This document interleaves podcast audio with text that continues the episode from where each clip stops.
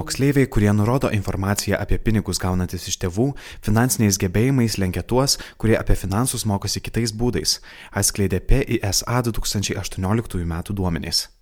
Todėl su vaikais apie finansus kviečiame kalbėti nuo mažų dienų. Tiems, kurie to dar nepadarė, primename - pradėti niekada nevėlu.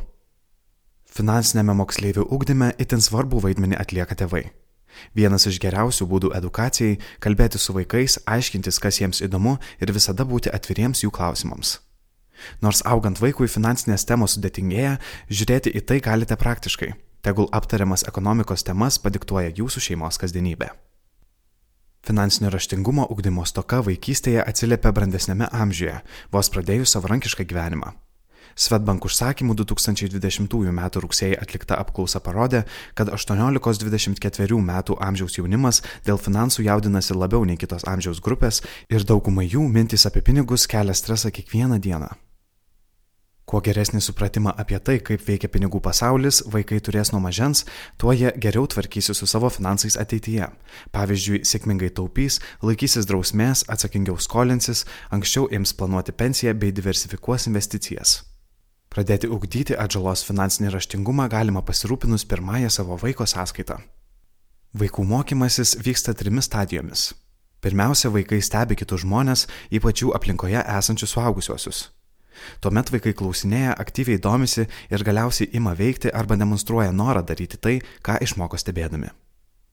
Trečioje stadijoje svarbu, kad vaikas jau turėtų bazinius finansų valdymo įrankius, kuriais jūsų padedamas galėtų praktikuotis. Pavyzdžiui, debeto kortelė, mobilioji programėlė, o vyresniems nuo 14 metų - e-taupyklė ir panašiai.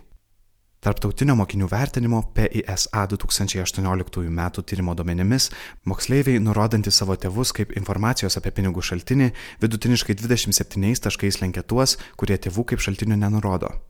Vidutiniškai 94 procentai EBPO šalių moksleivių nurodo informaciją apie finansus gaunantis iš tėvų. Vaikus lengviausiai sudominti galima savo pavyzdžių. Pasakojant apie savo šeimos finansus, mokinant kasdienių finansinių operacijų interneto banke, kuo daugiau įtraukiant į planavimą - nuo maisto apsipirkimo iki atostogų. Leisti vaikui būti pilnaverčiu šeimos nariu, kuris gali pasiūlyti idėjas bei jas aptarti Pristigus idėjų vaikų finansinio raštingumo ugdymui, jų visada galima pasisemti Svetbank atmintinėje. Be to, gaudamas atsakymus į jam kylančius klausimus, vaikas labiau pasitikės savimi ir galės drąsiau reikšti savo ryštą bei drąsą. Pastarosios savybės yra itin svarbios suaugusiojo gyvenime, pavyzdžiui, kuriant verslą. Praėjusiais metais bendras suaugusiųjų Lietuvos gyventojų finansinio raštingumo indeksas siekia 45 balus iš 100 galimų, atskleidė Lietuvos bankų asociacijos duomenys. Nors indeksas ūgtelėjo dviem balais, toks progresas yra per mažas. PISA tyrimą atliekančios organizacijos EBPO ekspertai pabrėžia, norint pasiekti geresnių finansinio raštingumo rezultatų, švietimas šią temą reikalingas nuo pat mažumės. Tačiau jei su savo vaikais apie pinigus nepradėjote kalbėtis dar darželėje, tai nereiškia, kad nebeverta ir jau pavėlavote. Pradėti ugdyti savo atžalos finansinį raštingumą ir teikti teorinių bei praktinių žinių niekada nevėlu. Svarbu prisiminti, kad finansinio raštingumo ūkdymas pirmiausia turi būti įdomus ir smagus, todėl stenkitės į šią edukaciją pažiūrėti kūrybiškai. Norint ugdyti finansinį vaikų raštingumą, pradžioje galima padėti atžaloms atskirti tikruosius savo norus nuo poreikių bei išsikelti taupimo tikslą.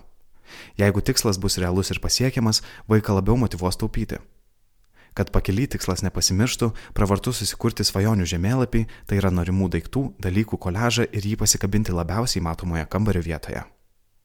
Mažesniems vaikams finansinę edukaciją rekomenduojama įpinti į žaidimus. Su vaikais galite piešti svajonių ateities pinigus, žaisti parduotuvę, gaminti taupikles iš namie turimų medžiagų. Vyresniems jau galite suteikti atsakomybės ir leisti suplanuoti savaitės meniu, įtraukti į komunalinių mokesčių mokėjimą paskatinti paskaičiuoti, kiek išteklių išnaudojama namie, o jei kitą mėnesį pavyks jų sumažinti ir sutaupyti, tuomet skirtumą padovanoti vaikui. Tai motivuos ne tik pasidomėti ištekliais, kiek jie kainuoja, bet ir kasdien gyventi tvariau. Kūrybiškumą galite pasitelkti ir ieškodami būdų, kaip greičiau sutaupyti.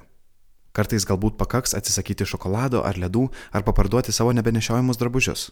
Paklauskite savo atžalų, nustepsite, kiek daug kūrybiškų idėjų šie jums papasakos. Taip pat galima mėginti kartu su vaiku paskaičiuoti, kiek laiko prireiks susitaupyti norimam pirkiniui, taupomam iš kišenpinigių ar artimųjų dovanotų pinigų. Visuomet vaiką galima paskatinti kartu tariantis dėl galimybės papildomai užsidirbti. Tačiau nepamirškite, svarbiausia laikytis plano ir neprarasti entuzijazmo. Pranešimą įgarsino Kristijonas Vaičiukauskas.